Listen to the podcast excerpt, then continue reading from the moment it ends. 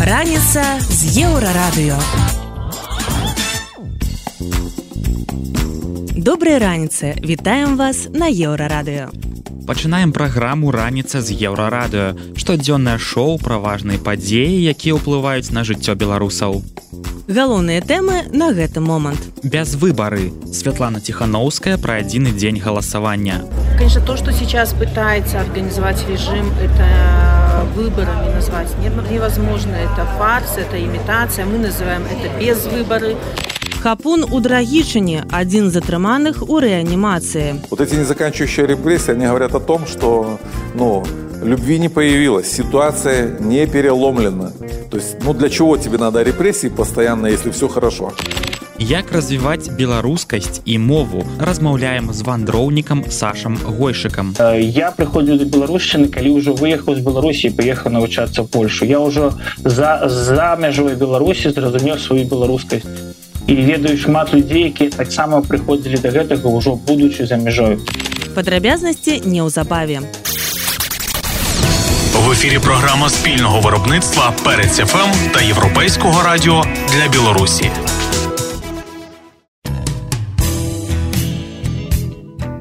Єврорадіо без выбары. Так лідарка беларускіх дэмсіл святлана тихохановская называе надыходзячае галасаванне за мясцовых і рэспубліканскіх дэпутатаў. Ужо вядома што на участках не будзе незалежных назіральнікаў ні міжнародных ні беларускіх. Улады больш не паведамляюць хто ўваходзіць у склад выбарчых камісій а выбаршчыкам забаронена фатаграфаваць бюлетэнь. Дык усё ж удзельнічаць у выбарах ці байкатаваць іх вось што рае светлана тихохановская конечно то что сейчас пытается организовать режим, это выборами назвать невозможно. Это фарс, это имитация. Мы называем это без выборы, э, потому что политическое поле зачищено, э, лидеры политических партий сидят э, в тюрьмах, нет свободных медиа, все НГО ликвидированы. То есть это политическая пустыня внутри страны, и эти так, так называемые выборы нужны только для самого Лукашенко, чтобы легитимизировать себя в глазах его там, ближайшего окружения. И даже сейчас мы наблюдаем, как э, идет подготовка к этим безвыборам. Это больше похоже на военную операцию. Э, будет везде полиция, имена комиссий засекречены. Э, они, я думаю, что они испытывают трудности с, с поиском кандидатов на, на эти выборы. Поэтому люди не мобилизуются под вот этот фарс, и это не то, ради чего люди должны жертвовать своими жизнями, либо свободой. Э, то есть э, эти выборы абсолютно пройдут не до выбора, пройдут незамеченными в Беларуси. Но э, у режима есть такая тенденция, что они заставляют людей ходить на голосовые участки, голосовать. И в данном случае мы советуем белорусам голосовать против всех и ни в коем случае не, не пытаться не участвовать в этом фарсе. С другой стороны, демократические силы, конечно, используют эту возможность для продвижения наших нарративов, для объяснения белорусам, что, что это такое без выбора и зачем это делается. И даже некоторые демократические активисты предлагают виртуального парламентария, да, его не посадишь в тюрьму, но он может э, с помощью с помощью интернета, платформ продвигать истинные белорусские демократические нарративы. Выборы 25 лютага стануць першымі пасля палітычнага крызісу два года. Пакуль вядома, што на 110 месцаў прэтэндуе 225 чалавек.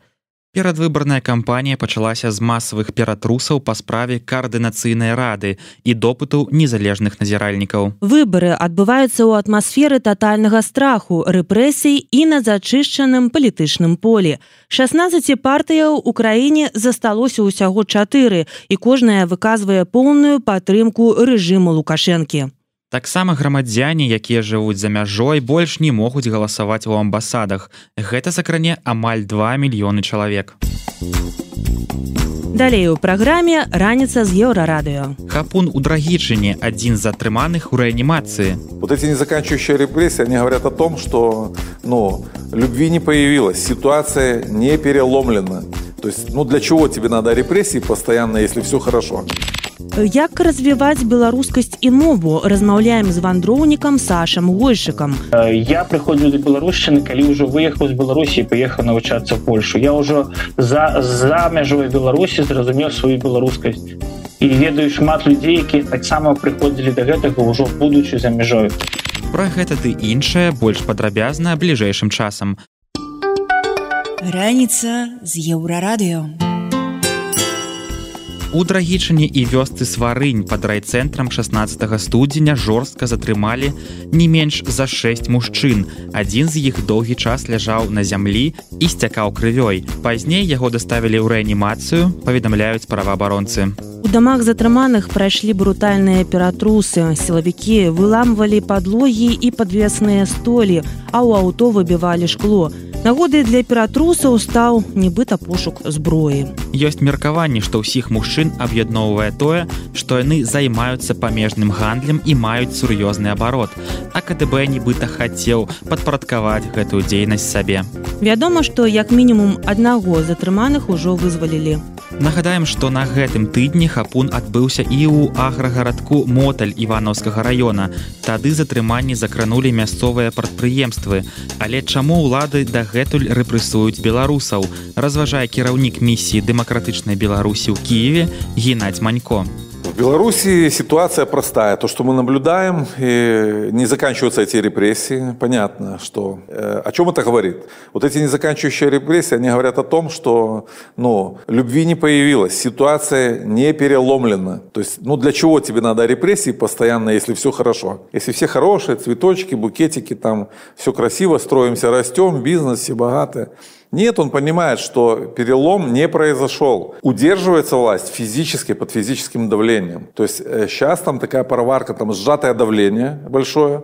И это на таком уровне, когда уже может резьба срываться. То есть оно сжатое, да, его нету. Там все боятся поднять голову, все зашифровано, но ты же не залезешь в голову каждому. Да, там покаянное видео, он скажет покаянное видео, потому что есть угроза там э, попасть за краты на долгий период. Ну, скажу, да, да. Ну, хорошо. Но это ж не значит, что он его полюбил, Лукашенко, или полюбил эту власть, которая его заставляет что-то говорить против его воли, которая вытирает ноги об национальный флаг, там, которые издеваются.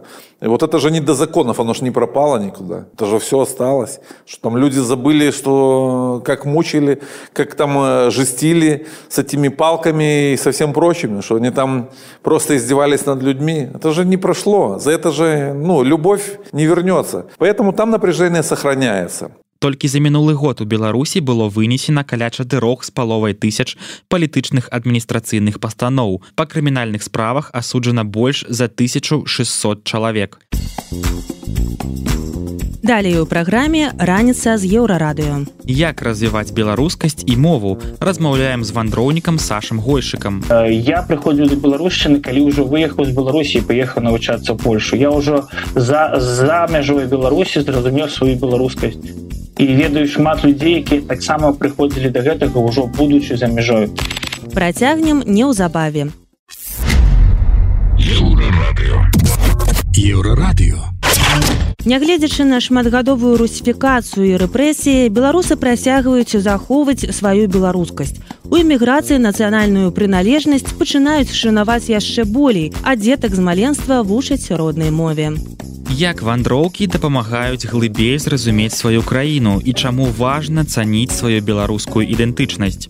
Над гэтымі пытаннямі разважае блогер і вандроўнік Александр Гойшык. Размова вядзе зміцер Лукашук. Я так думаю, што падчас сваіх вандровак ты здолеў не толькі наведаць шмат даволі ну, для нас для беларусаў экзатычных краінаў, але і ў той ці іншай ступені пазнаёміцца і з людзьмі якія ў гэтых краінах жывуць з іх культурай можа быть дзесьці з традыцыямі і ну і гэтак далей. То есть ну прынамсі пазнаёміцца паглядзець што яны сябе ўяўляюць. І потым азіраючыся з атрыманых вось вышыні атрыманых ведаў назад на нас на беларусаў. Ці можаш ты сёння сказаць ці існуюць беларусы як нацыя ці склаліся мы. Потому что шмат абсолютно розныя маюцца меркаванні на гэты конт у маіх гасцей. Хтосьці лічыць что мы ўжо давно сфармаваліся хтосьці лічыць что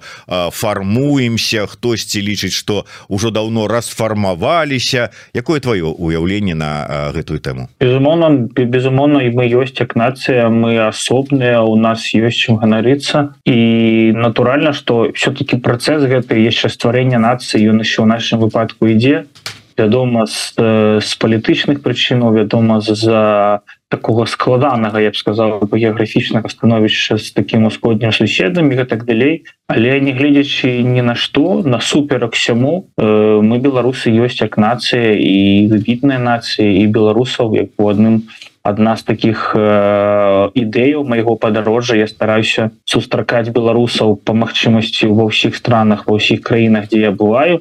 І і лацінскай Амерыцы і у паўночнай Амерыцы і вось у Новой Зеландыі цяпер я знаходжуся ў гасцях у беларусаў. І безумоўна калі ты бачыш наших людзей на зусім іншым баку планеты і ты разумееш что нас то мы ёсць некая супольная еднасць тоеснасць беларуская ёсць і яна асабліва за мяжой яна вельмі заўважная А калі казаць про беларусаў якіх ты сустракаў по на сваім шляху ось вандруючы по свеце.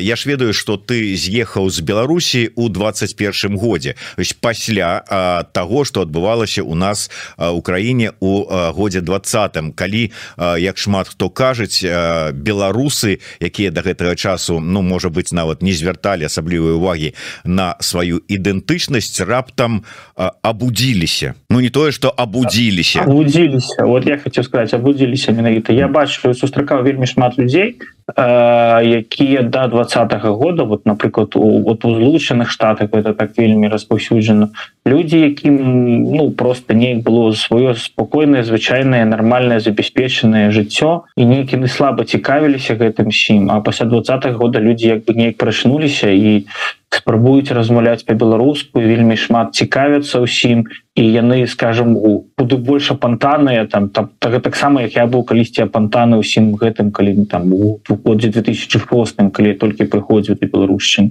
і цяпер для мяне гэта ўжо все натуральна я уже нават не зважаю так моцна на на напэўныя моманты а людзі вось просто для сябе на нова гэта все адкрылі і просто з такими широка расплюшчанымі вачыма глядзяць. Таму я вас скажу что менавіта што шмат людзей просто абудзілася менай але як чалавек які э, даўно вось у гэтай тэме нацыянальнай самаідэнтычнасці Ну і ўсяго вот гэта пра што мы так любім паразважаць. Як ты думаешь чаму гэта абуджэнне адбылося менавіта ў 2020 годзе Чаму не ў 2006 Ну і альбо чаму не ў 2010 дзе была тая ж самая плошча? Быў разгон былі палітвязні. Вот чаму менавіта 2020 что раней ім перашкаджала? Я лічу что тут э, некалькі фактараў склалася. Один з фактараў тое что сапраўды э, гэта так скажем даволі даволі заможныя десятые гады калі сапраўды шмат людзі пачалі ну просто люди пачалі добра жыць пачалі добра зарабляць пачалі шмат вандраваць люди там займаліся той же там самой айцішачкай там і гэтак далей. І у людзей просто поступова люди ўжо вырашылі першапачатковае пытанне там про пытанне там каб не памерці з голаду люди пачалі цікавіцца куды трошки больш. А тут яшчэ здарыўся коронавірус і люди побачылі вось на ўласныя вочы побачылі усю просто усю неверагодную хлусіню з боку дзяржавы калі ім кажуць про там про трактары про козачак про нешта яшчэ про про трое про трое загінулых ад коронавіруса памерлых а токі у салігорску на той дзень мы ведалі там про больш чым 10 загінулых калі там у твоих блізкіх сяброў паміраюць скажем бацькі а по тэлевізары ім кажуць что да няма някого коронавіруса распранацца і працаваць там і гэтак далей.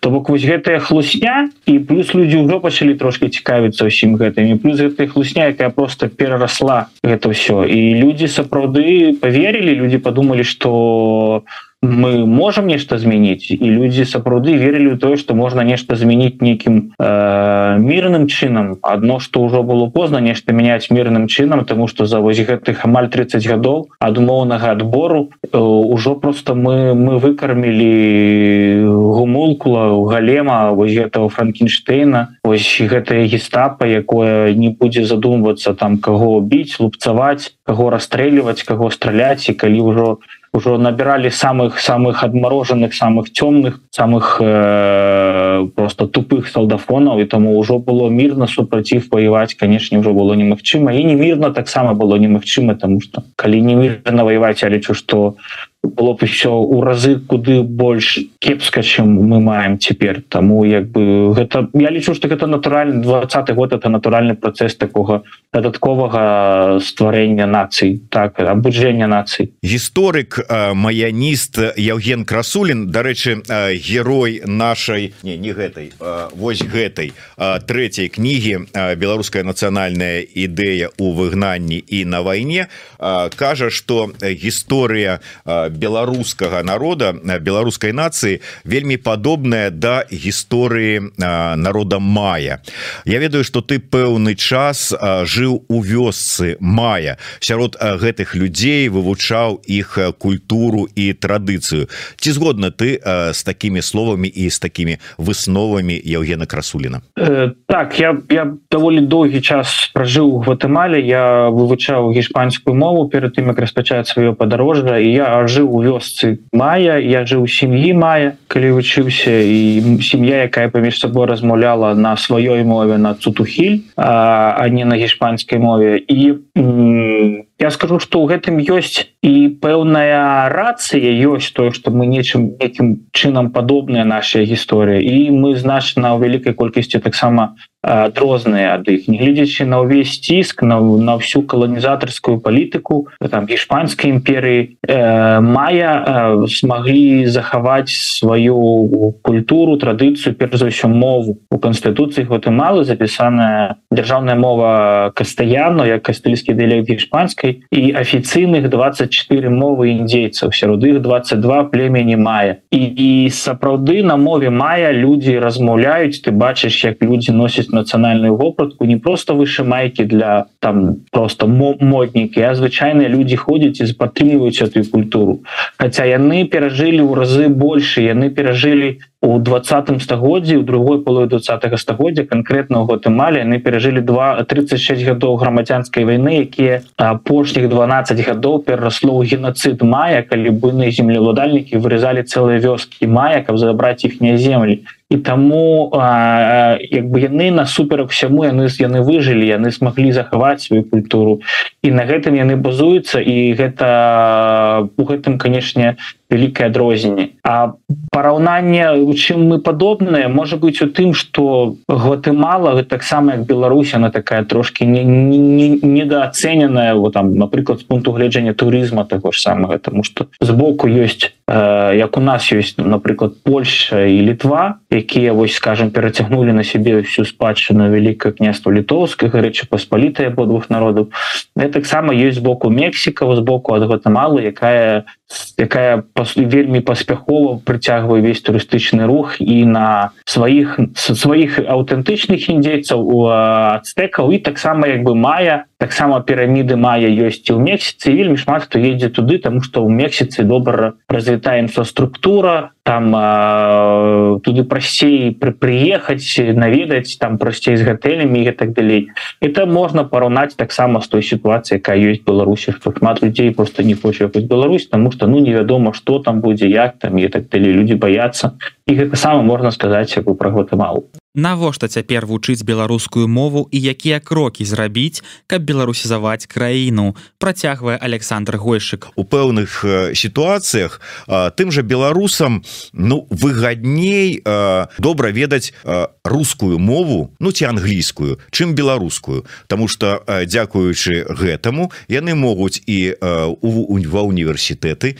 поступаць і потым кар'еру на працы рабіць альбо на рускай мове альбо за мяжой на англійскай і тое ж самае там у мая іспанская мова іншых народаў там так таксама падобныя сітуацыі. І вось калі вот так глядзець меркантыльна ад гэтага ж залежыць кар'ера добрабыт на что тут нам на гэтыя нацыянальныя мовы з якой матэрыяльнай меркантыльнай карысці ніякай? Что з гэтым рабіць? Можна неяк гэтаму супрацьстаяць? Тут гэта натуральны працэс глобалізацыі на жаль ужо ў наш час з гэтым неякім чынам змагацца няма сэнсу. Гэта не замінае калі ты калі ты будзеш білінгом калі ты будзеш першапачаткова таксама ведаць сваю мову. Вот я лічу что гэта одна з самых важных элементаў тоеснасці. Любіш сваё паважае чужое. То бок э, я прыходзіў до беларушчыны калі ўжо выехаў з беларусі паехаў навучацца Польшу. Я ўжо за за мяжой беларусі зразумеў сваю беларускасць. І ведаю шмат людзей якія таксама прыходзілі до гэтага ўжо будучы за мяжою тое что ты ведаеш і паважаеш і размаўляеш на сваёй мове зусім не адмаўляе того что ты будзеш размаўляць і ведаць расійскую гешман я размаўляю на пяти мовах напрыклад гэта не з'яўляецца некай праблемай наадварот это толькі дапамагае мульцілінгвізм ён толькі толькі развівае мозг гэта гэта ў наш час гэта не праблем наадварот ёсць пэўны запыт на тое каб захоўваць сваю спадчыну каб звучыць дзяцей сваёй нацыянальнай мове і каб пасля ўжо яны вывучаць мову мовы імперія не вывучыць вялікую мову. Гэта не пытанне я зараз быў у гасцях у беларусаў новой зеландыі. Іх сын нарадзіўся ўжо новой зеландыі. Для яго першая мова ангельская але яны ў сям'і пачалі свядома яны будучы рускамоўнымі пачалі размаўляць сынам толькі на беларускай мове. Дзіцёнак цяпер размаўляе такой смешнай трасянкай беларуска беларуска-ангельскай. І яны вырашылі свядома вывучыць навучыць яго менетай беларускай мове тому что рускую ён і так недзе там некалі калі захоча вывучыць і зможа е адолець. Але перш за ўсё важно было ім нават так далёка дома знаходзячы захаваць сваю родную мову. А ангельскую мову он уже і так прынёс дзячага садочку. Мне з гэтай нагоды прыгадываецца як ну правда гэта было яшчэ до два года. Мы у школе звычайнай беларускай школе дзе вучылася моя дачка спрабавалі арганізаваць беларускамоўны клас.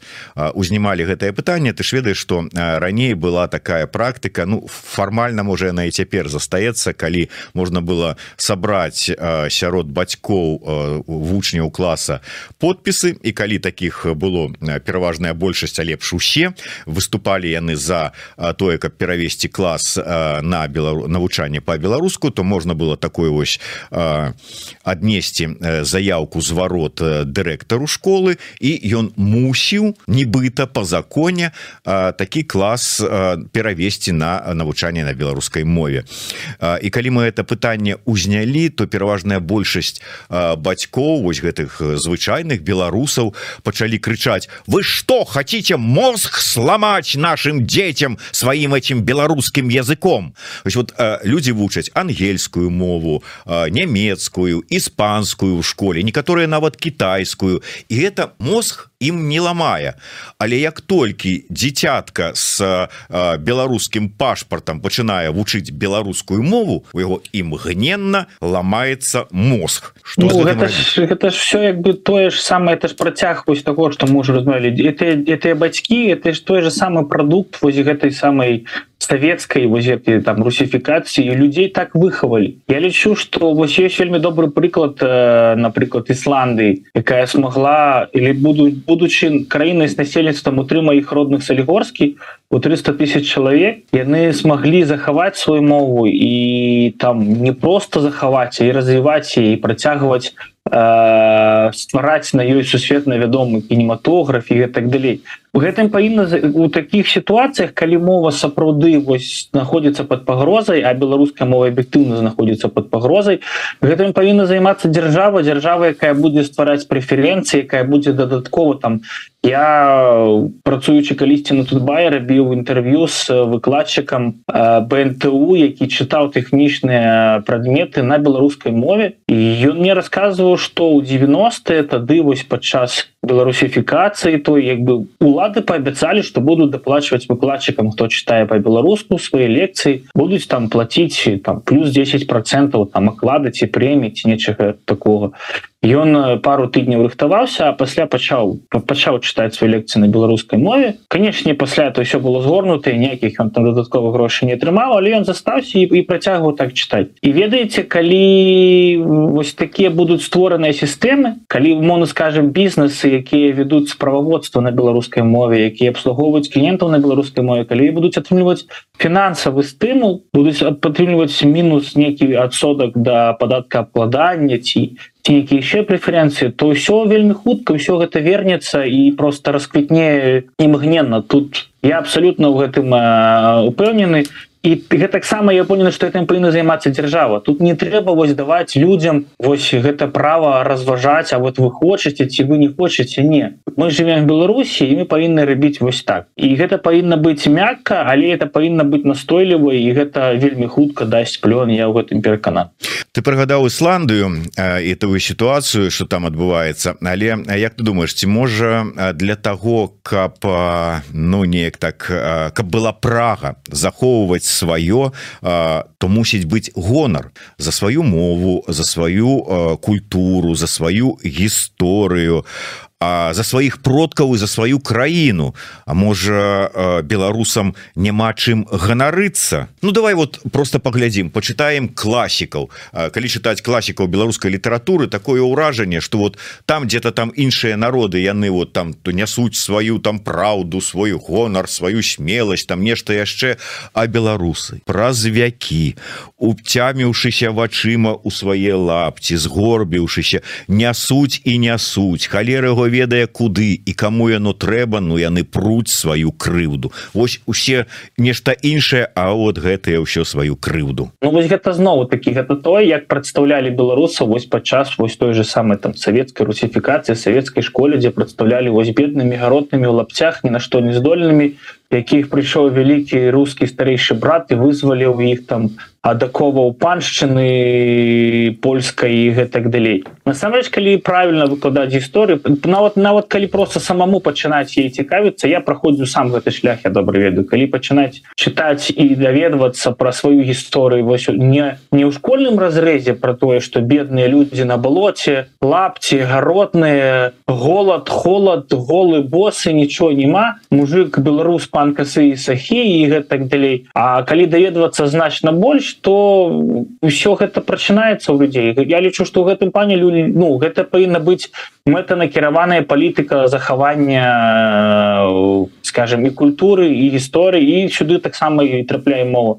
Калі людзям прадстаўляць сваю гісторыю цікавага і, і скажем карыснага гледзяща калі людзям ствараць усе магчымыя падставы ганарыцца сваёй гісторыяй а не просто то что ну а вот мы тут вот вот не тыя не тыя тутэйшыя нам тут вот неважно просто дайте пажыць. Калі людзям ствараць стварыць гэта гэта павінна займацца дзяржава я перакананы вот просто на таким энтузіазме такой подпольнай беларусіфікацыі это было вось у нас на два -го года гэта дае свой плён але э, масавая палітыка дзяржавы яна это ўсё зробіць значна значна хутчэй больш эфектыўна Гэта была размова з вандроўнікам александром гойшыкам Ён распавёў пра свой шлях да беларускасці што зразумеў з-за годы вандровак і як трэба пашыраць беларускую мову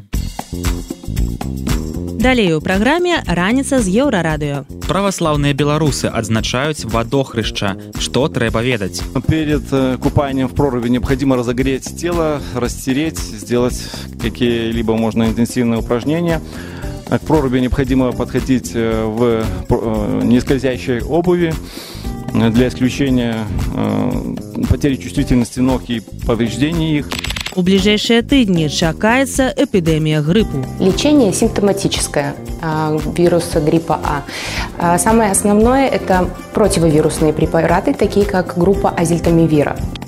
Про гэта больш падрабязна бліжэйшым часам.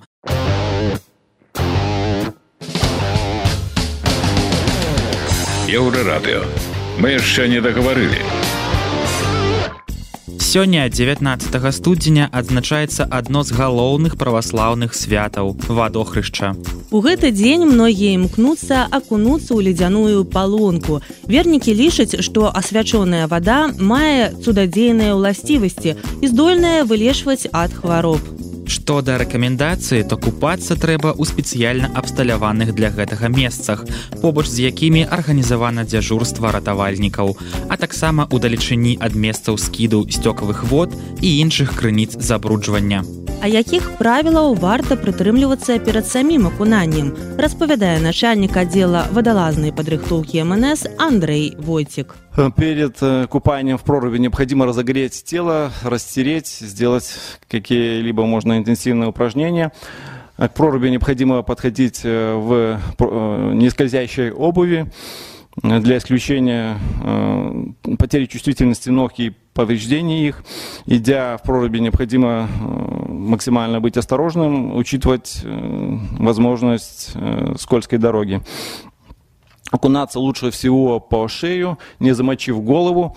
Ныряние вообще с головой запрещается, так как это может привести к сужению сосудов головного мозга. Необходимо учитывать, что при погружении в холодную воду происходит, как правило, учащение дыхания. При входе необходимо сразу стараться достигнуть требуемой глубины и не рекомендуется плавать. Время не больше минуты нахождения в холодной воде. После выхода рекомендуется разогреть тело, растереть полотенцем, одеть сухую одежду. Для укрепления иммунитета и исключения переохлаждения рекомендуется выпить чай травяной, ягодный, Меркаванні людзей пра тое, ці варта ўсё ж акунуцца ў ледзяную ваду разыходзяцца. Адны лічаць, што гэта закаляе імунітэт, іншыя ж мяркуюць, што так можна займець сур'ёзныя хваробы. А вось каму дакладна лепш не акунацца, распавядае лекар хуткай дапамогі Яўген Юдаку. Кому не следует осуществлять окунание в прорубь в крещенские праздники? При наличии каких-то острых заболеваний это является противопоказанием. При наличии серьезных хронических заболеваний, либо их обострения. Не стоит окунаться детям ну, до 7 лет и престарелым в возрасте старше 70-75 лет. Также запрещено купание беременным. Что касается хронических заболеваний, то если мы решим окунуться в прорубь, в прорубь, имея хронические заболевания, это может привести к их обострению. То есть с осторожностью следует это делать людям с артериальной гипертензией, перенесенным в прошлом инфарктах миокарда, острых нарушениях мозгового кровообращения при наличии неврологических заболеваний, то есть эпилепсии. Если были судорожные приступы, холодная вода может спровоцировать приступ. Ну, в целом, если э, есть какие-то хронические заболевания, но есть большое желание окунуться в прорубь рождественские праздники, я рекомендую обратиться к своему лечащему врачу и в индивидуальном порядке, в зависимости от того, какие есть заболевания, получить консультацию. Мяркуецца, што на берасцейшчыне ў вадохрышчанскіх купаннях возьмуць удзел больш за тры тысячи чалавек. Далей у праграме раніца з еўрарадыё. У бліжэйшыя тыдні ў Беларусі чакаецца эпідэмія грыпу. Лечение симптоматическое вируса гриппа А. Самое основное – это противовирусные препараты, такие как группа азильтамивира. Падрабязнасці неўзабаве. Хутка, чутка і па-беларуску. Міністэрства аховы здароўя бліжэйшым часам чакае эпідэмію грыпа. Цяпер інтэнсіўнасць захворвання на орві ў Беларусі сярэдняя, але мае тэндэнцыю да павелічэння. Большая палова хворых на сёння дзеці да 18 гадоў. Лічбы захварэлых будуць узрастаць. Медыкі мяркуюць, што грып найбольш закране менавіта дзяцей. Рост захворвання абумоўлены цыркуляцыяй вірусу грыпу А. Ён лёгка перадаецца ад чалавека да чалавека і выклікае рэспіраторныя захворванні рознай цяжкасці. Як распазнаць вірус групы А і які ён бывае, распавядае лекарка Александра Мурына. Бывает два вида осложнения гриппа А. Легочные и нелегочные. Легочные – это самое распространенное, это пневмония. Диагностика ее довольно-таки проста. В течение пяти дней непроходящая лихорадка, по анализу крови воспалительные моменты, непроходящий сильный влажный кашель и, конечно же, мы выслушиваем хрипы. Нелегочные патологии – это, например, лор, отиты, синуситы, ад віруса грыпа можна вакцынавацца а як варта лікавацца пры захворванні працягвае александра мурына лечение симптоматическое вируса гриппа а самое основное это противовирусные препараты, такие как группа азельтамивира. Человек должен много пить жидкости. Чем больше он будет пить э, воду, компот, чай, морс, неважно, тем быстрее он поправится. Обязательно также нужно принимать витамин С, дозировки 1000 мг один раз в сутки с утра. Ну и любые симптоматические проявления, такие как заложенность носа, будут использоваться как сосудосуживающие капли. Если болит горло, достаточно его полоскать и использовать любые спреи для горла. Да таго ж лекары раяць, як і пры эпідэміі каранавіруса насіць медыцынскія маскі і захоўваць сацыяльную дыстанцыю, а пры першых сімптомах заставацца дома. Раніца з еўрарадыё.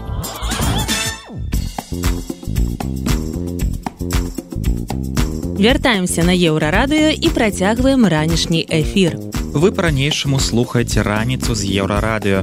Інфармацыйнае шоу пра важныя падзеі, якімі жывуць беларусы і іншы свет. І вось што цікавага мы распавядзем далей. Ці пашырыцца крызіс у беларускай эканоміцы ў гэтым годзе. Обычный беларус должен понимать, что беларускі госплан, беларускі левиафан не меняется. Як беларуса пасадзілі на паўтара гады за тое, чаго ён не рабіў. Детектор лжи показал, что это я. Чыноўнікі кажуць, што беларусы багацеюць, ці варта ім верыць. Гэта азначае, што ўрад працуе вельмі дрэнна. Пра гэта ды іншае больш падрабязна цягам бліжэйшай гадзіны.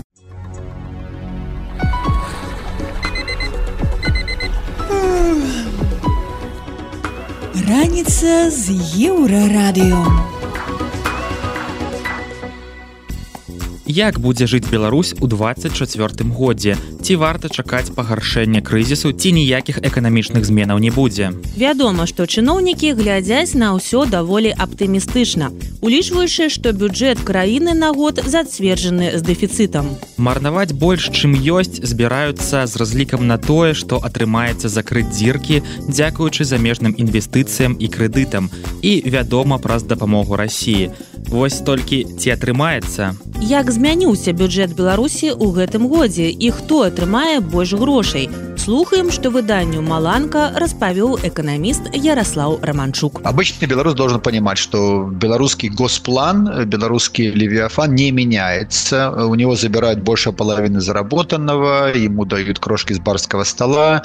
Главными выгодополучателями являются структуры коммерческие, приближенные к ЗАО «Семья», которые традиционно расходуют порядка там на госзакупках порядка 7-8 миллиардов долларов, государственные инвестиции и полугосударственные инвестиции около 10 миллиардов долларов. На этих потоках они, безусловно, зарабатывают откатами порядка 20-25%. Конечно же, не будет, если не будет форс-мажора в виде, опять-таки, поражения в войне России, соответственно, с соответствующими серьезными последствиями для белорусской экономики, тогда вот этот бюджет будет выполняться. Хотя, знаете, вот ритуал принятия бюджета каждый год, он такой немножко смешной и гротескный, потому что этот бюджет может меняться в любое время, собственно, там 3-4, там, до 10 раз может меняться в год. Зачем вот напрягаться цифра согласовывается, если эту цифру в любой момент можно поменять по решению главного командующего, главного агронома. Поэтому здесь это все, знаете, бюджет это всегда часть правды, потому что другая часть правды это вот органы госуправления, это государственное предприятие, это государственные банки, и, понятное дело, это кормушки, которые рассованы по вот разным карманам других структур матрица бюджетная, она не меняется 20-25 лет. Вот знаете, как вот взять традиционную матрицу доходов, расходов любого там европейской страны, социальные расходы, там оборона, администрирование, какие-то программы, вот она плюс-минус там 10, 15, 20 процентов будет одна и та же. То есть тут белорусские власти ничего не изобретают, но вопрос же в содержании, понимаете, вот вопрос в структуре, кто эти деньги получает.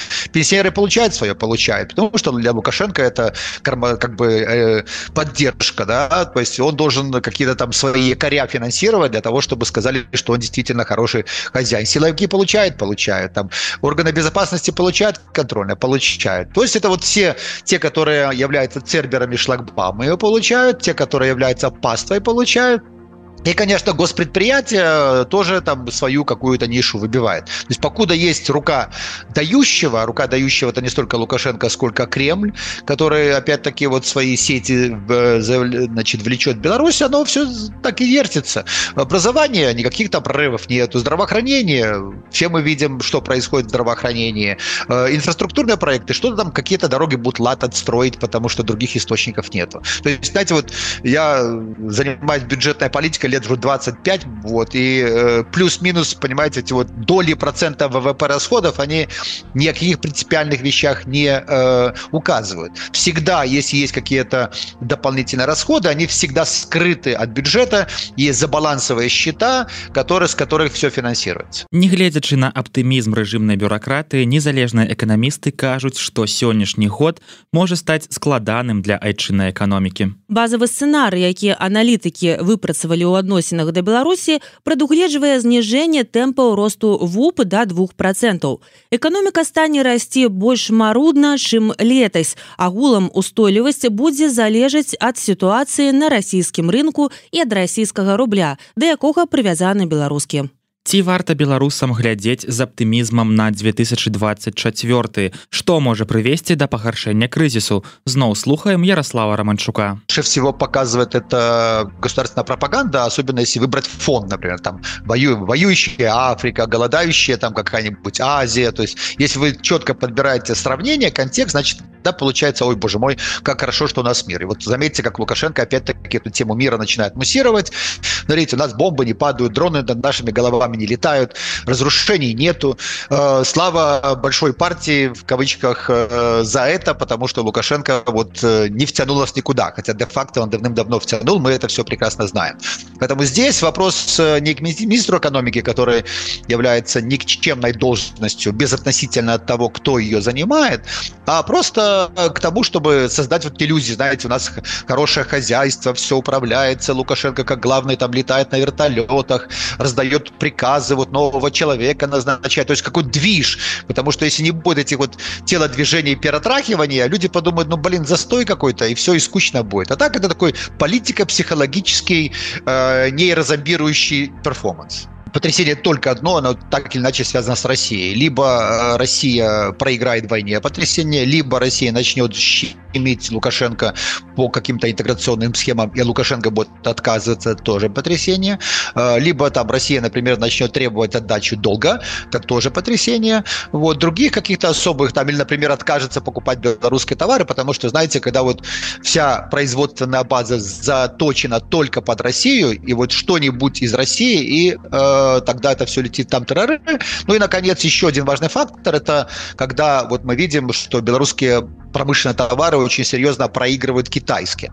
Если китайская экспансия на российский рынок будет очень серьезной, активной, динамичной, тогда вот белорусские склады будут ломиться, и белорусские финансовые, финансы будут петь романсы, как говорят, как говорят, и тогда действительно может случиться недовыполнение бюджета, но у Лукашенко есть какой ресурс. Он э, может включить денежно-печатный станок, он может еще попросить у того же Китая в долг, то есть э, год э, вот этот не предвещает никаких катаклизмов. З намі быў эканаміст Ярослаў Раманчук. Ён патлумачыў, як змяніўся бюджэт краіны ў гэтым годзе, хто атрымае больш грошай з бюджэтных арганізацый і якія фактары могуць пагоршыць эканамічнае становішча ў хуткім часе.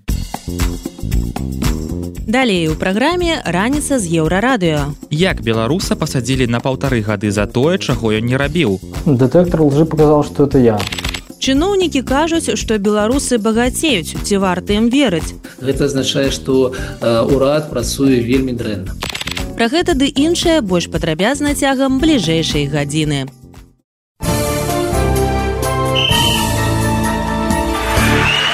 На еўрарадыё навіны спорту беларускіх расійскіх спартсменаў якія прайшлі адборы атрымалі допуск да алімпіяды ў парыжы чакае паўторная праверка яе правядуць незалежныя арганізацыі. Цяпер ідзе пошук незалежных аналітыкаў з добрай рэпутацыяй якія зоймуцца праверкай заявілі ў міжнародным алімпійскім камітэце Беларускі нападаючы калгары Ягор Шаранговіч уваходзіць у тройку найлепшых снайпераў НХЛ у 2024 годзе піша трыбуна. У васьмі матчах ён закінуў сем шайбаў. Наперадзе толькі Эліас Петерсон з Ванкувера 10 шайбаў і Сэм Райнхард з Флорыды 9 шайбаў. Хакеісты мінскага дынама за два дні ў чэмпіянаце КХл двойчы згулялі з куньлунем. Спачатку перамаглі 5-1, а на наступны дзень прайгралі 2-5. Дынамаўцы па-ранейшаму займаюць восьмае месца ў заходняй канферэнцыі. Чэмпіёны Беларусі футбалісты мінскага дынама ў лютым правядуць тры спарынгі па адной гульні на тыдзень. Спачатку яны сустрэнуцца з віцебскам, пасля будуць матчы са славіяй і гомелем. 25 лютага дынама чакае паядынак за суперкубак з жодзінскім тарпеда Белас. Мужчынскім чэмпіянаце Беларусі па гандболе мяшкоў Брест выйгараў у гродзенскага крона на 38-26. Мінскі ска абыграў свой фарм-клуб 33-27. Брэсцкая каманда на 6 ачкоў апярэджвае армейцаў. На 31 студзеня запланаваная сустрэча лідараў. Гэта былі навіны спорту на еўрарадыё. Заставайцеся з намі.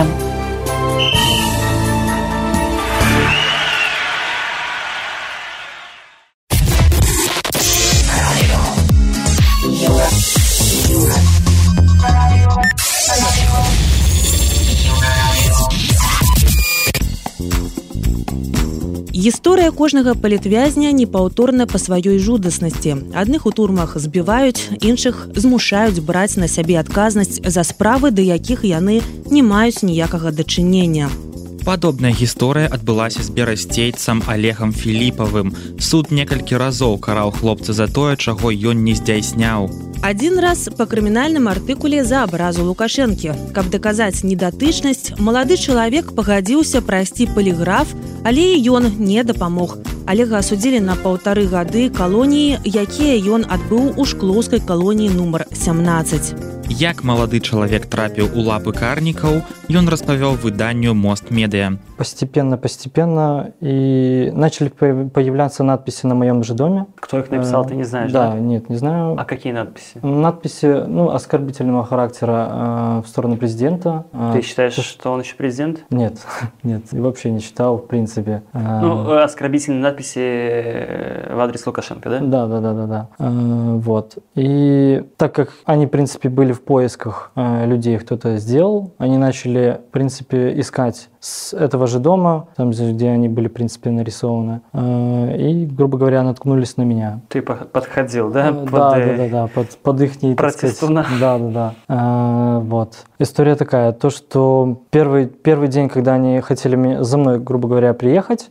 я был на работе. Был брат дома, но брат мне по факту ничего не сказал. Но я уже предполагал, что уже, грубо говоря, где-то возле дома вот тусуется милиция, все фоткает там и так далее, и так далее. Я уже понимал, что вот вот-вот, что что-то будет, в принципе. Я думал слечь, грубо говоря, как-то втихую э, уехать в деревню, чтобы, ну, типа, меня и не было слышно, и не видно, и так далее. Но на второй день, на второй день они тоже, в принципе, э, приехали за мной. Но в тот день я тогда ехал на велосипеде на работу, и как раз вижу их э, навстречу. Ну, я просто проезжаю э, и еду, в принципе, спокойно себе на работу. Э, почти доезжая до работы, э, где-то за пару минут мне звонок. Звонок э, и говорит милиционер то, что надо надо встреч, встреча. Я говорю, зачем? Ну, какая причина, в принципе? А, он говорит, по там надписям что-то. Я такой понял, ну, типа, я тут вообще каким ну, принципом к этому моменту? Я говорю, я этого не делал, в принципе, так что, ну, извините. Он говорит, ну, смотри такой расклад. Расклад такой, что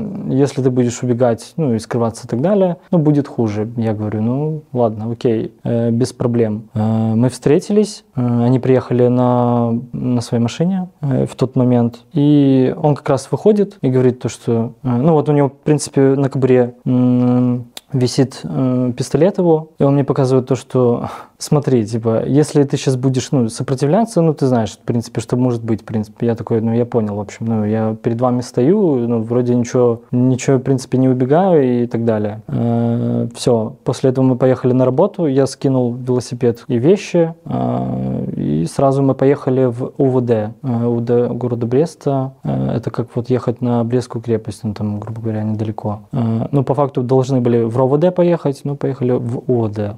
И в УВД, по факту, меня уже ждали двое, так сказать, даже трое, может, таких по гражданке. Я думаю, что при звании, в общем, хорошем, там, может, полковник или что-то в этом роде в ожидании были. Сначала меня завели на детектор лжи. Я, в принципе, знал, что, ну, типа, я прав в этом плане, что, ну, я этого не делал, это раз. И я был сто процентов уверен, что, ну, должно показать правду, ну, и, в принципе, бояться тут нечего. А они спрашивали про эти рисунки на да, да, да, да, доме, да, которые да. якобы ты нарисовал? Да, якобы я нарисовал, но по факту нет. И что детектор лжи показал? Детектор лжи показал, что это я. Все же, да. Просил, ну, вы мне хотя бы покажите, ну, вот эту всю махинацию вашу. Он в отказ мне, ну, сказал нет. Э, заводит меня в другой кабинет. Э, после этого момента, так как у меня, в принципе, был телефон у них в кабинете, э, у меня какие-то были, в принципе, надписи, не то что надписи, а выложено в Инстаграме, в историях, какие-то истории в плане с Лукашенко, что-то в этом роде. И оно давным-давно уже затерялось где-то в архиве, ну, в принципе, по которым я вот реально забыл,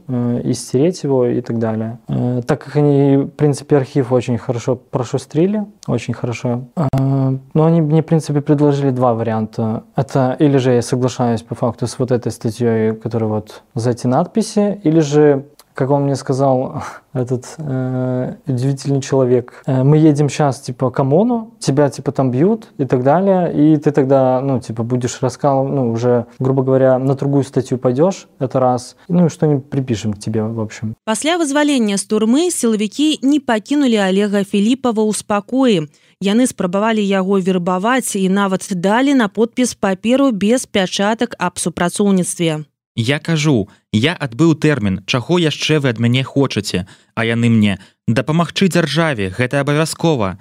Згадвае берасцеец тую размову, каб прымусіць Олега супрацоўнічаць, міліцыя прыходзіла да яго і дадому і на працу. Працягваем слухаць яго аповед. Тот же, грубо говоря, милиционер, который меня сажал уже, он занялся мной же обратно и хотел меня вот вывести на разговор, чтобы я сдавал своих знакомых, друзей, кто вообще здесь есть в Варшаве. Ну, именно он смотрел по Инстаграму, э, так как они очень, так сказать, частенько там обитают и все шустрят и так далее. И вот мы как-то встретились с ним, побеседовали. Он сказал то, что э, вот надо мне помочь, ну вот государству надо помощь. Слушай, он тебе закрыл на полтора года, да, да, да, сейчас ему нужно помочь. Да, я, ну, сначала хорошо, я ему иду по факту навстречу, э, потому что понимаю, что телефон, ну, типа, у него, и если, например, я ему сейчас скажу, что не, ну, нет, ну, он сейчас, типа, мне не отдаст телефон, я понимаю, что, ну, типа, сейчас какая-то пойдет, ну, непонятная ситуация. И я по факту с ним соглашаюсь на этот весь разговор и вообще на всю эту процедуру. Якобы, да, я буду... Подписывал что-то? Э, ну, как сказать, подписывал. Он под, э, грубо говоря, что-то говорил мне, что-то там писать, якобы какую-то бумажку. Ну, эта бумажка, это, я считаю, можно и потереться, потому что ну, она без печати, без ничего. Это просто по, по факту от меня. То, что я якобы с ним сотрудничаю, я там под каким-то э, буду сленгом, ну, у меня будет какой-то сленг. Какой у тебя позывной был? Был позывной, это вроде Джокер.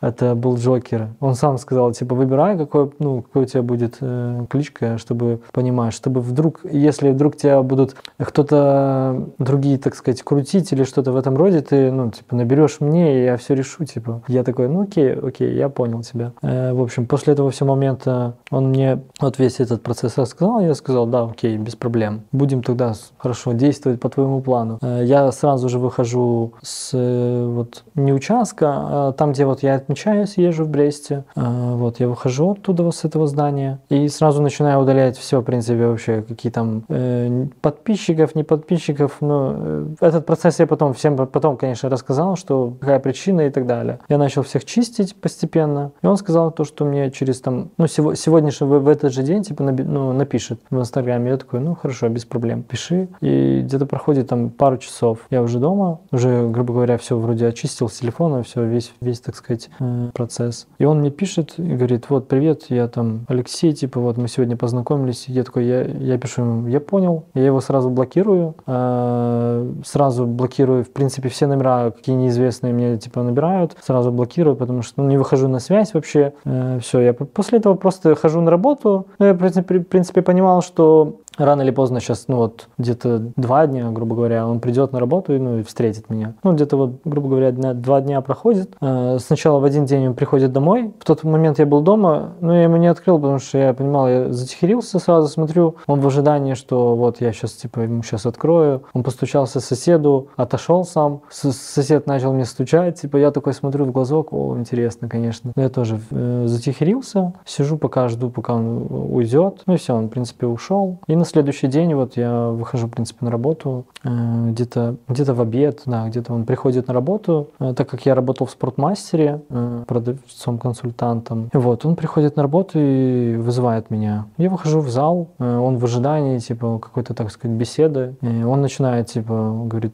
ну, типа, привет, Олег, что ты, так сказать, убегаешь, ну, типа, скрываешься? Я говорю, ну, типа, вы смеетесь? Я вот перед вами стою, типа, где я убегаю, скрываюсь? Ну, он говорит, что насчет, ну, типа, той темы? Я говорю, ну, типа, ничего. Ну, я с вами, типа, ничего сотрудничать не буду, никого там я рассказывать вам, ну, типа, и так далее не буду, потому что, ну, мне это нет смысла. Ну, типа, зачем мне сдавать кого-то, типа, своих друзей? Ну, типа, это, это такой бред. Ну, типа, если вы работаете, то работаете. Типа, ну, ко мне вообще можете даже не лезть. Ты уже что, отбыл срок, Да, я, срок? так я вот ему говорю, то, что я отбыл срок, и я ему говорю, что вы, типа, от этого еще меня, ну, от меня хотите. Мне кажется, я, ну, достаточно уже, грубо говоря, как ему сказал, что я вот понял за этот, в принципе, срок, вот, я осознал этот весь процесс. Ну, конечно, я понимаю, что, ну, мысли у меня немножко вообще другие, ну, типа, какой, ну, типа, за этот срок осознать, ну, типа, что-то нет. Типа, я был бы на своем мнении, в принципе, и остался на своем же.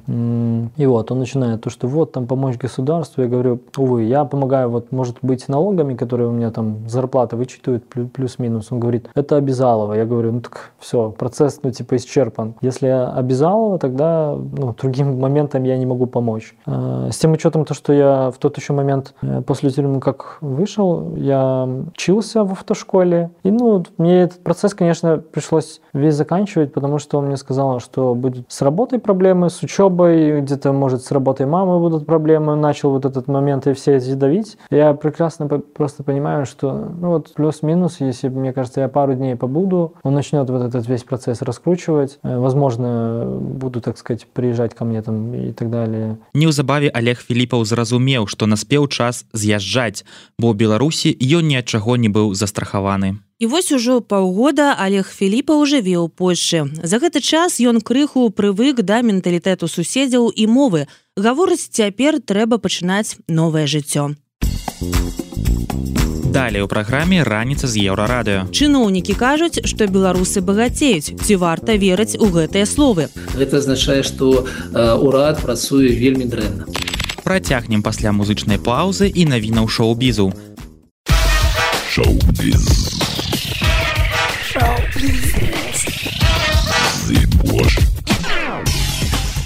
Вітаю гэта навіны шоу-бізу.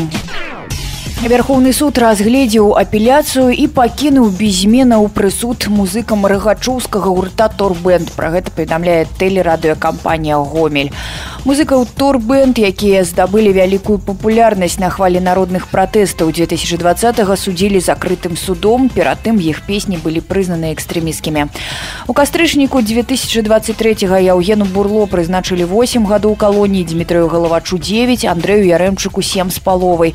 Усім прызначылі вызначылі ўзмоцнены рэжым. Акрамя таго кожнага з іх аштрафавалі на 100 базавых велічыняў то бок па 3700 рублёў кожнаму беларускае кіно будзе прадстаўленае сёлета на берленале на нямецкім кінафестывалі пакажуць стужку нашага суайчынніка паўла можара под назвай непажаданае сваяцтва на фоне свайго берлінскага раёна рэжысёр з беларусі даследуе сістэматычны характар расійскіх і беларускіх ваенных злачынстваў ва ўкраіне і аналізуе ўласную адказнасць за гэтую вайну Саша і сірожа зладзяць канцэрт у Маскве ў другую гадавіну ўварвання рассіі ва ўкраіну. У каментарах да паста з афішай відавочнае абурэнне можа адразу ў севастополь. Саша сірожа сайт проект Сергея михалка які ён у нулявы рабіў разам з мастаком алексеем хацкевічам.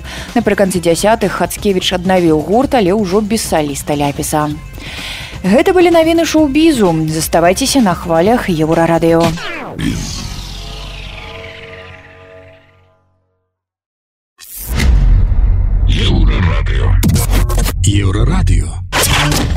Больш за год таму ў Беларусі забаранілі рост коштаў. Гэты крок шмат хто з эканамістаў крытыкаваў. У адказ Лукашенко перад новым годам заявіў: нічога не здарылася, працуем нармальна. Вось толькі ці было гэта сапраўды эфектыўным рашэннем. Рэжым запэўнівае ўсіх, што так. Па словах чыноўнікаў беларусы сталі часцей хадзіць у крамы і больш купляць. Растуць нібыта ўклады беларусаў у банках людзі актыўна бяруць крэдыты. Вырас і рэальны заробак заяўляюць лукашэнкаўскія міністры. Дык ці сапраўды мела плён тактыка ручнога рэгулявання коштаў. Сітуацыю выданню радыёвабода каментуе палітыкі блогер Александр Кнырович. Ну як яго можна ацаніць, калі б яны выконвалі гэты загад цены стаяць і калі б цену эканоміцы не падвышаліся, то мы пабачылі бы тое, што і прагназавалі розныя незалежныя эканамісты. Мы пабачылі бы дэфіцыт. Але ў краіне цены ўсё ж такі выраслі і нягледзячы на гэты загад, толькі афіцыйная інфляцыя у нас за 2023 год склала 5,8 отсотку. Споживецкая инфляция была больше на несколько отсотков, а реальная инфляция, якая, якая отражается на гаманцах звычайных белорусов, больше за 10 отсотков. Это можно назирать, когда пораўноваешь реальную корзину у уживания продуктов, а не та и ту, якая есть у Белстате. Тому дефицита не отбылось, а лишь загад не, не выконано. И я нагадаю нашим э, глядачам об тем, что э, прогноз международных международных кол международных э, структур яшчэ до гэтага загада были такие что была павінна быть инфляция 23 годзе. У беларуси прыкладно 8 отсотков у реальности пасля гэтых загадаў яна стала 58 отсотка и вось гэтымі минус двумя отсотками мы заплатили за все тое что отбывалось за крымінальные справы за прослед э, предпрымальнікаў за за гэтые адміністрацыйныя суды. Ну і таксама трэба нагадаць аб тым што у нас палова гандлю працавала цэлы цэлы цэлы полгода у у мінус у страты. Гэта таксама вынік гэтага рэгулявання і тое што зараз сыходзіць з рынку буслік тое што павінен быў зачыніцца віталюры перадаць свае праграмы санці тое што у еўраопта упалі паказнікі у іх справаздачнасці мы бачым як збавілася надбавка як яны працуюць на межы на межы прыбытку ці страт. Усё гэта вынікі гэтага рэгулявання. Ну і напрыканцы яшчэ раз скажу што калі б яны выконвалі этот загад цены павінны стаяць так мы побачылі бы сапраўдны савецкі дэфіцыт віце-прэм'ер беларусі снапков якраз таки на нарадзе лукашэнкі некалькі тыдняў таму гаварыў вось про тое что вы узгадалі про тыя прадпрыемствы гандлю якія нібыта працуюць у вытак ён сказаў про тое что іх 714 у краіне і толькі 137 з іх як бы працуюць са стратамі так это не так і шмат атрымліваецца Ну ён супярэчыць супярэчыць афіцыйнай дзяржаўнай статыстыкі. Яшчэ месяц таму гэтыя ж чыноўнікі не менавіта снапкоў а іншыя чыноўнікі з март марга хваліліся тым што ў першай палове года 51 адсотак быў стратным а ў другую у іх есть вялікае дасягненне каля 30 адсоткаў. Таму спадар Николая снапкоў як заўсёды ці хлусіць ты ці трохі так э, скрывае гэту самую статыстыку. Перад новым годам віцэ-прэм'ер снапкоў на нарадзе лукашэнкі канстатаваў што па выніках 11 месяцаў мінулага года рознічны таваразварот вырас на 8 і две десятые процента у параўнанні з аналагічным перыядам 2022 года. Чыноўнік заявіў, што ў параўнанні з 16 годам цяпер за сярэдні заробак можна набыць на 60соткаў больш свініны і мяса птушкі амаль у паўтары разы больш малака, а бульбы на 10 процентаў. Ці сапраўды спажывецкая актыўнасць беларусаў застаецца на такім высокім узроўні. Ці тут ёсць падвох? Зноў даем слова александру кныровічу. Ну ведаеце калі ну па-першае трэба значыць факт. Спажывецкая актыўнасць яна вырасла. І у нас у краіне выраслі заробкі. Я ну не не давяраю ніводным разам снапкову і таму я не магу как бы апірацца на іх на яго лічбы. Але яна вырасла і яна вырасла хутчэй чым вырасла сама эканоміка. Гэта значит азначае што ў краіне было шмат гэтых грошай якія не забяспечаны адэкватным ростам выработкі А гэта азначае што у нас павінен быў расці імпорт і мы побачылі што у нас імпорт рос у чатыры разы хутчэй чым наш же экспорт. За год у нас экспорт вырас там на 30сотка а імпорт вырас на 14соткаў таму ў краіне з'явілася шмат пустых грошай гэтыя грошы фармуюць гэта самы ўзрост гандлю гэтым месцы все як заўжды все на сваіх месцах. Яшчэ адна цитата снапкова тому что мы як бы каментуем афіцыйныя лічбы. Ён заўважыў что напрыклад у 2016 годзе у параўнанні з гэтым годам это ўжо 7 гадоў там атрымецца 8 амаль э, за тады за сярэднюю намінальную працу цяпер. Цяпер можна набыць за такую плату на 60 больш процентаў больш свініны на 60 процентаў больш мяса птушки малака малі полтора раза больш а бульбы на 10 процентаў больш. Ну атрымліваецца по гэтых лічбах что беларусы все ж таки жывуць лепш лепш і лепш при тым что як самі лады заявляюць что іх душаць з кожнага боку санкцыямі. Ну гэта вельмі цікавыя лічбы як як он іх абрунтоўваць мне асабіста невядома. Таму калі звычайны чалавек лічыць у сваём гаманце но ён можа пабачыць рост але это гэта рост Ну як было скарачэнне ў мінулым годзе там амаль на 5соткаў то ў гэтым годзе можа быць на 10соткаў але но ну, лічбы 60соткаў магчымасць купіць болей мяса за там 7 астатніх гадоў. Гэта канешне же э, хлусня есть есть даследаванне. Но там все каля нуля. Цалкам наша экономика астатнія 10 гадоў працуе каля нуля. І калі ў 22 годзе быў быў рэзкі спад то конечно 23 мы назіраем некі некі такі ўзрост э, спажывання асобных э, прадуктаў гэта натуральна але не пра ніякія 60соткаў росту за 5 гадоў канешне но ну, немагчыма гаварыць Окей, тады яшчэ одна лічба я тут пабуду адвакатам снапкова за 9 месяцаў продажы аўтамабіляў выраслі на 11 процентаў тэлевізараў на 16 ровараў на 18 адзення на 58 па харчовых таварах павялічваюцца тавараабарот на амаль 5 процентаў не харчовых на 11 ну атрымліваецца што калі беларусы сталі больш купляць значит у іх стала больш грошай так?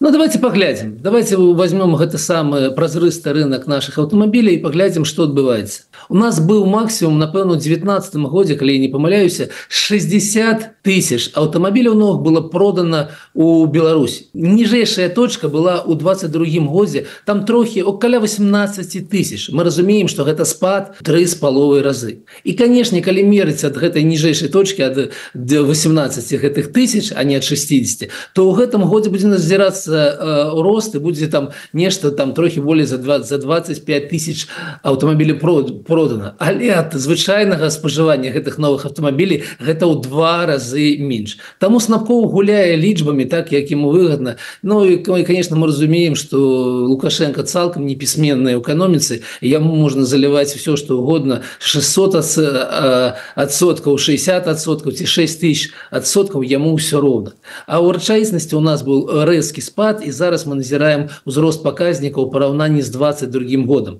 але не з звычайным з нормальным становішчам экономікі то бок адбываецца ідзе просто такое выраўніванне так з тым годам ну, такі аднаўленчы рост ідзе але мы яшчэ до 21 года яшчэ не дайшлі. Ну і 21 год гэта ж была не, не мара. Мы назіраем ну напрыклад для наших гледачэй зараз у беларусі 327 аўтамабіляў на тысячу насельніцтва. Тая ж лічба у польше амаль 680 аўтамабіляў. Розніца у два чымсьці разы. І у нас зараз па ўсім паказнікам розніца у ўзроўні жыцця паміж польшай літвой напрыклад і беларусі больше чым у два разы таму і 21 год і 16 год. Гэта ж ну не мара гэта не фантазія гэта такі ж самы нізкі ўзровень але ў параўнанні з 20 з другім ён троем трохі вышэйшы але мы павінны ставіць перад не ведаю ж перад кім перад кім вы жадаеце гэта ставіць мэту рост на ўзроўні кітайскага росту эканоміка павінна расці на 6-7соткаў у год тому что мы на нізкам узроўні і калі іх няма гэта азначае что урад працуе вельмі дрэнна З намі быў палітык і блогер Александр Кнырович. Ён распавёў, ці мела плён палітыка рэжыму па ручным кіраванні коштаў і ці сапраўды вырасла спажывецкая актыўнасць беларусаў, як пра тое кажа лукашэнкаўскае чынавенства.